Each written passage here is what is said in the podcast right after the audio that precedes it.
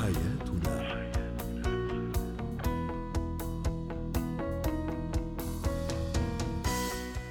نجدد لكم التحية مستمعين في برنامجكم اليومي حياتنا المتخصص بشؤون الأسرة والطفل والجمال.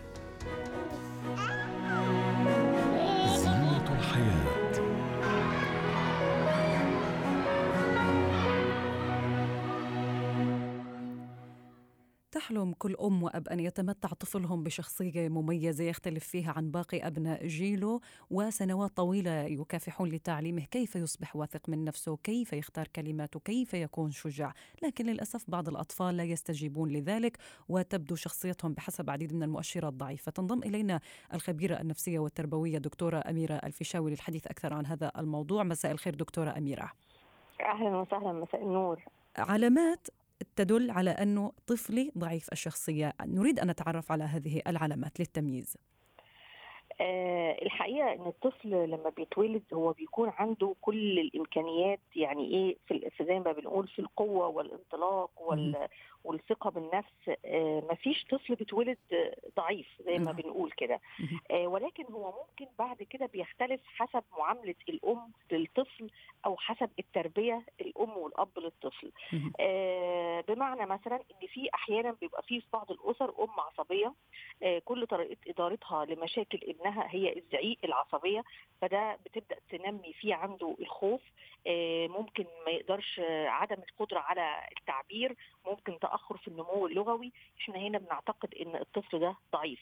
إن في أم مثلا أو أب مش نموا الميول الاجتماعية وبعد كيف يعرف الأم كيف يعرفان انه طفلهم ضعيف؟ متى يدركان ذلك؟ شو الصفات التي أول لما بتلاقي علامات غير سوية آه زي الانطواء آه إن هو مختلف عن سنه والانطواء الإنعزال إن هو ما بيحبش يختلط بالأطفال إن هو بيخاف إن هو ما بيلعبش ما, بي ما عندوش تطور الطبيعي بتاع ال ال الأفعال الطبيعية للأطفال اللي في سنه. يبقى هنا في نعرف طب لو طفل يتردد لو طفل يبكي كثيرا لو طفل شديد الخوف من أي شيء لا ولا لا يشارك؟ هنقول آه كل بقى إيه كل مشكلة مش معناها إن هو ضعيف أه. الشخصية يعني مثلا ممكن نقول طفل بيبكي ده ممكن يبقى مدلل أه. طفل مدلل هو اتعود على مثلا إن الأم بتلبي له طلباته آه طفل شديد الخوف آه ده ممكن يبقى إحنا ممكن نقول إن دي حاجة جيناتكس ممكن إحنا عندنا جينات وراثية ممكن يكون هو وارث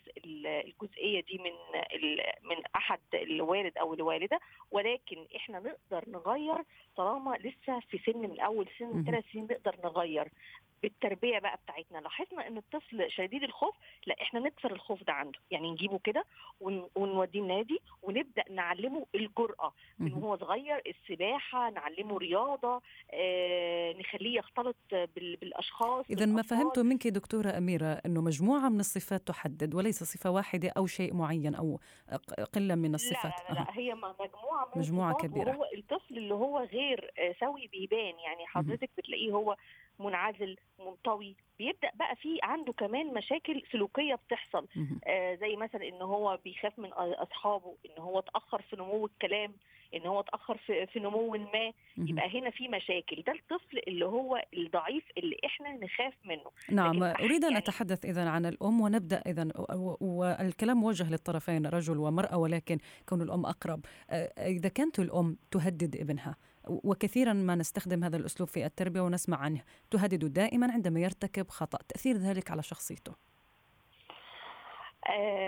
بصي هو إحنا في التربية الأطفال ما بنحبسش أسلوب التهديد يعني للأطفال. لأن إحنا بمعنى إحنا ممكن نعملها بشكل عكسي. إن إحنا نمدحه. إن إحنا نشتغل على الجوانب الإيجابية. أي طفل أو لو فعل الأمور الخاطئة عندما يرتكب الأخطاء كيف أتعامل معه؟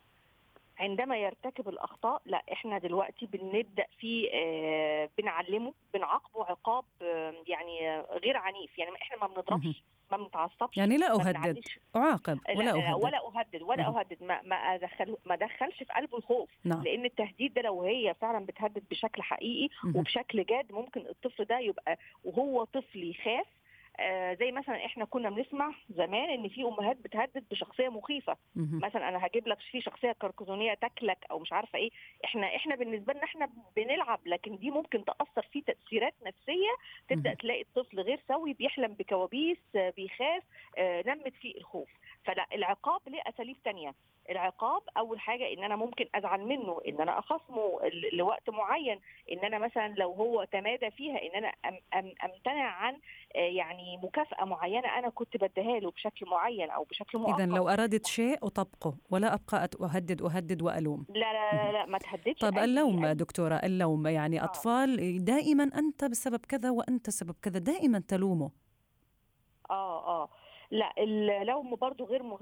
يعني يعني إيه إحنا ما بنحبذوش بص هو أي طريقه تربيه سلبيه زي ما قلت لحضرتك العصبية الصريخ الضرب اللوم إن إحنا بنبرز الجوانب السلبية عند الطفل ده أسلوب خاطئ نعم. التهديد بقى اللوم أي أسلوب سلبي بنندرج هنا تحت الطرق السلبية للتربية يبقى أسلوب نعم. خاطئ طب إحنا ممكن بدل ما نلومه ممكن نشجعه إن هو يعمل حاجة كويسة ونمدحه في ادائه لحاجة كويسة ولو نفترض إن الطفل عنيد هو مش عايز يعمل الحاجة دي وهو بيعند مع الأب والأم ممكن نخترع طرق تربوية زي مثلا المنافسة بين المنافسة الشريفة بين الإخوات مسابقات ألعاب نعم. يبقى هو دلوقتي هيعمل المهمة اللي إحنا قلناها وبعدين بعد كده إيه اللي بيكسب نعم. أو اللي بيفوز في اللعبة دي إحنا بنبدأ نمدحه أو بندي نعم. درجات في اليوم حتى لو هنفترض مثلا نعم. إن إحنا بنقسم الصلاة اللي هو بيسمع كلام والده الأداء الواجب النظافة بنعملها زي جدول كده آه، بنحطها حتى في أوضته وبنعلم وبندي درجات واللي بياخد درجات نعم. يبقى إيه هو إحنا ممكن نكافئه. طب دكتورة أميرة دكتورة أميرة أريد أن أكمل معك واستثمر الوقت الذم أمام الناس. كيف أتجنب أن أتحدث معه أمام الناس عن صفاته يعني التي لا تعجبني؟ ما لا ده, ده ممنوع تماما. إن الذم أمام الناس ده ممنوع تماما. ممنوع يعني لأن إحنا هنا ب يعني إيه بنكسر الثقة بالنفس حضرتك بقى بتتكلمي على الثقة بالنفس نعم. دايما الطفل معانا بيتطور طول ما إحنا بنعزز الثقة بالنفس عنده وبنديله ثقته بنفسه وبنمدحه حتى لو إحنا لو حتى في أخطاء ما نذكرهاش قدام الناس نعم. يبقى إحنا بنبنيه مش بنهدمه نعم. فهي الثقة بالنفس إن الأب والأم تبني الثقة بالنفس إنها تمدحه على طول نعم. إنها تربيه بأسلوب إيجابي وليس أسلوب سلبي الابتعاد بقى عن العصبية عن الصريخ عن اللوم زي ما حضرتك بتقولي. آه وتنمية مواهبه وتشجيعه على التعبير عن رأيه. مواهبه بنشوف إيه مشكلته. لو هو مشكلته مثلا في الخوف نعم. أو في الجبن يبقى إحنا بنعالجها بشكل تربوي بنخليه يلعب رياضة. يعني كل واحد حسب مشكلته. نعم. وط... ونعي بقى إن السنين الأولى للأطفال هي دي السنين الخطيرة اللي إحنا بنحط فيها الأساس.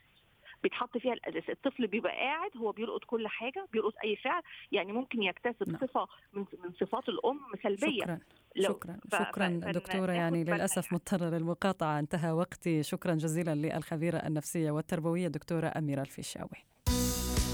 حياتنا.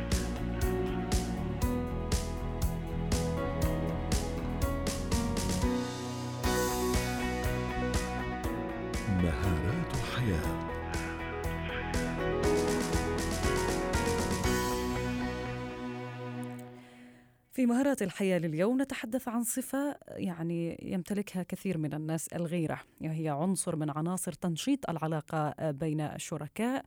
يعني تعتبر كالملح والفلفل داخل الطعام هذا يعطي نكهة وهذا يعطي نكهة لكن زيادتها عن الحد وتهديدها للعلاقة الزوجية أيضا ومخاطرها على حياة الشركاء. نتحدث عنها مع خبيرة الإتيكيت الأستاذة مارلين سلهب. أهلا بك أستاذة مارلين.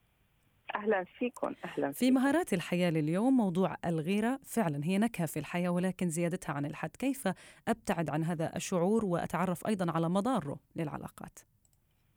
آه، اولا بدي أقول إنه هو شعور إيجابي مثل ما حضرتك قلتي وجميل للأشخاص لما بيكونوا عندهم عندهم ثقة بحالهم. يعني هون عم نرجع للي حكيته دكتورة فيشاوي. بس آه، الغيرة لما بتزيد يعني فوق حدا ممكن تصفي شك ومش بس شك بتصير بتصير امتلاك. وهون الإنسان كثير بده ينتبه على هالموضوع بالذات. لما بتصير امتلاك وبتصير عم عم غيري فوق اللزوم ما في عنا غير علاج نفسي. أما إذا كانت غيره مثل اللي كلنا بنعرفها بين الأصحاب بين ممكن لأنه ممكن توصل لطلاق ممكن توصل لتملك يعني آه هيدا شيء مشان هيك قلت الأفضل يكون مع اختصاصي. آه، الفكرة نبدأ فيها أستاذة مارلين اللي هي آه نعم. آه اللي بغار يعني صعب يتحدث دكتورة يعني مباشرة تشعرين بأنه غضب فورا وبان عليه هذا الشيء. الآن كيف يمكن أن يهدئ شخص من روعه؟ ويفتح موضوع فكرة الغيرة مع شريكه ويتحدث فيها أصلا. آه، هي قبل ما يتحدث يمكن يمكن ما يقدر يتحدث مع الشريك. يمكن هو من الأفضل إنه يتحدث مع صديق مع صديقة مع حدا عنده ثقة فيه. لأنه هالشخص لما رح يحكي أوقات كثير نحن بنلاحظ إنه بمجرد إنه يطلع الإنسان آه، من من الكوكعة اللي هو موجود فيها ويحكي مع أشخاص هالاشخاص رح يعطوه ثقة شوي بحاله. يعني رح رح تبين للأشخاص إن كان رجال امست إنه أنت عندك ميزات كثير ما ممكن تدخل بهالتفاصيل. هدول كلهم الأشياء البسيطة بتعطيه سعادة. ترجع تعطيه شوي قيمة لذاته وبتعطيه نتفه ثقة بحاله. نعم. أهم شيء أهم شيء بدنا نعرف إنه الأنثى أوقات كثير ناس بتقول إنه الأنثى بتغار أكثر من الرجال. هيدا شيء إذا بدنا نحكي يعني بالعلم مش مزبوط الرجال بيعرف يخفي شوي أكثر من الست يعني مشان هيك عملية الإخفاء طيب أستاذ مارلين عملية الإخفاء صعبة جدا يعني كيف ممكن أنا سمعت عن شيء أريد أن أسألك عنه اللي هو أن الهدوء أنك تبتعدي عنه وقت غيرتك إذا كنت إذا وقعتي في موضوع الغيرة ابعدي وحاولي أنك تمارسي الرياضة مثلا أو أي شيء هل حقيقي هذه يعني. الفكرة؟ أه. إيه إيه أكيد الخوف. هلأ بدي بدي أقول شغلة كثير مهمة. لما الإنسان هو بيعرف من شو بتتغذى آه الغيرة عنده ببلش يعالجها. يعني نحن لازم نعرف إنه إنه بتتغذى شو بيقولوا الغيرة من الخوف. خوف إني أنا ما أكون قد المقام خوف أه. إني أنا ما أكون مع أصحابي كل الوقت عم بحبوا شخص غيري. الغيره ما بتبقى بس بين رجال وست يعني ما بتكون بس بين حبيبين. ممكن تبلش مثل ما الدكتورة قالت من هن نحن وصغار وهالشيء حتى بين الأصحاب. نحن إذا بدنا نحكي بين رجال ومرأة لما توصل الغيرة لمشاكل أكبر وتصير في تفكك بالأسرة أم مثلا يمكن بشغلي ممكن أنا أخسر وظيفتي نتيجة سلوك سلوكي اللي مضطرب كل الوقت لأنه غيراني ماني حاسة على حالي مرتاحة. هون في كم شغلة فينا نبلش فيهم أه. قبل ما نوصل للعلاج تفضل. أول شغلة بدي أقولها لنكسب ثقتنا بحالنا. نحن كستات لازم نشتغل على الاتيكيت اللي هي انوثتي بانوثتها السيدة بتحل مشكلة الغيرة.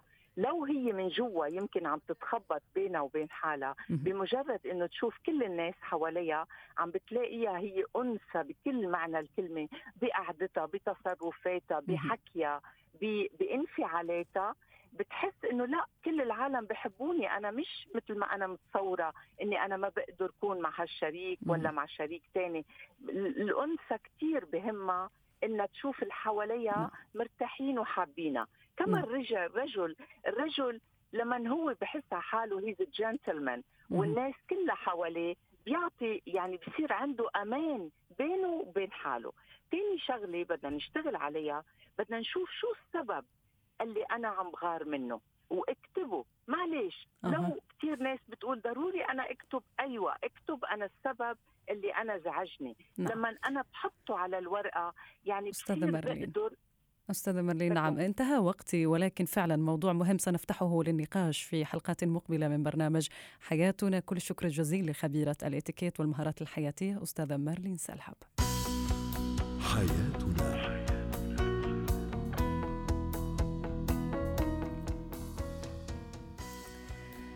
وصلنا لنهاية حلقة اليوم من برنامجكم. حياتنا يتجدد اللقاء بكم غدا في نفس الموعد. مواضيع شيقة بانتظاركم. هذه تحياتي سونيا زغول. فريق العمل أيضا دمتم. إلى اللقاء. حياتنا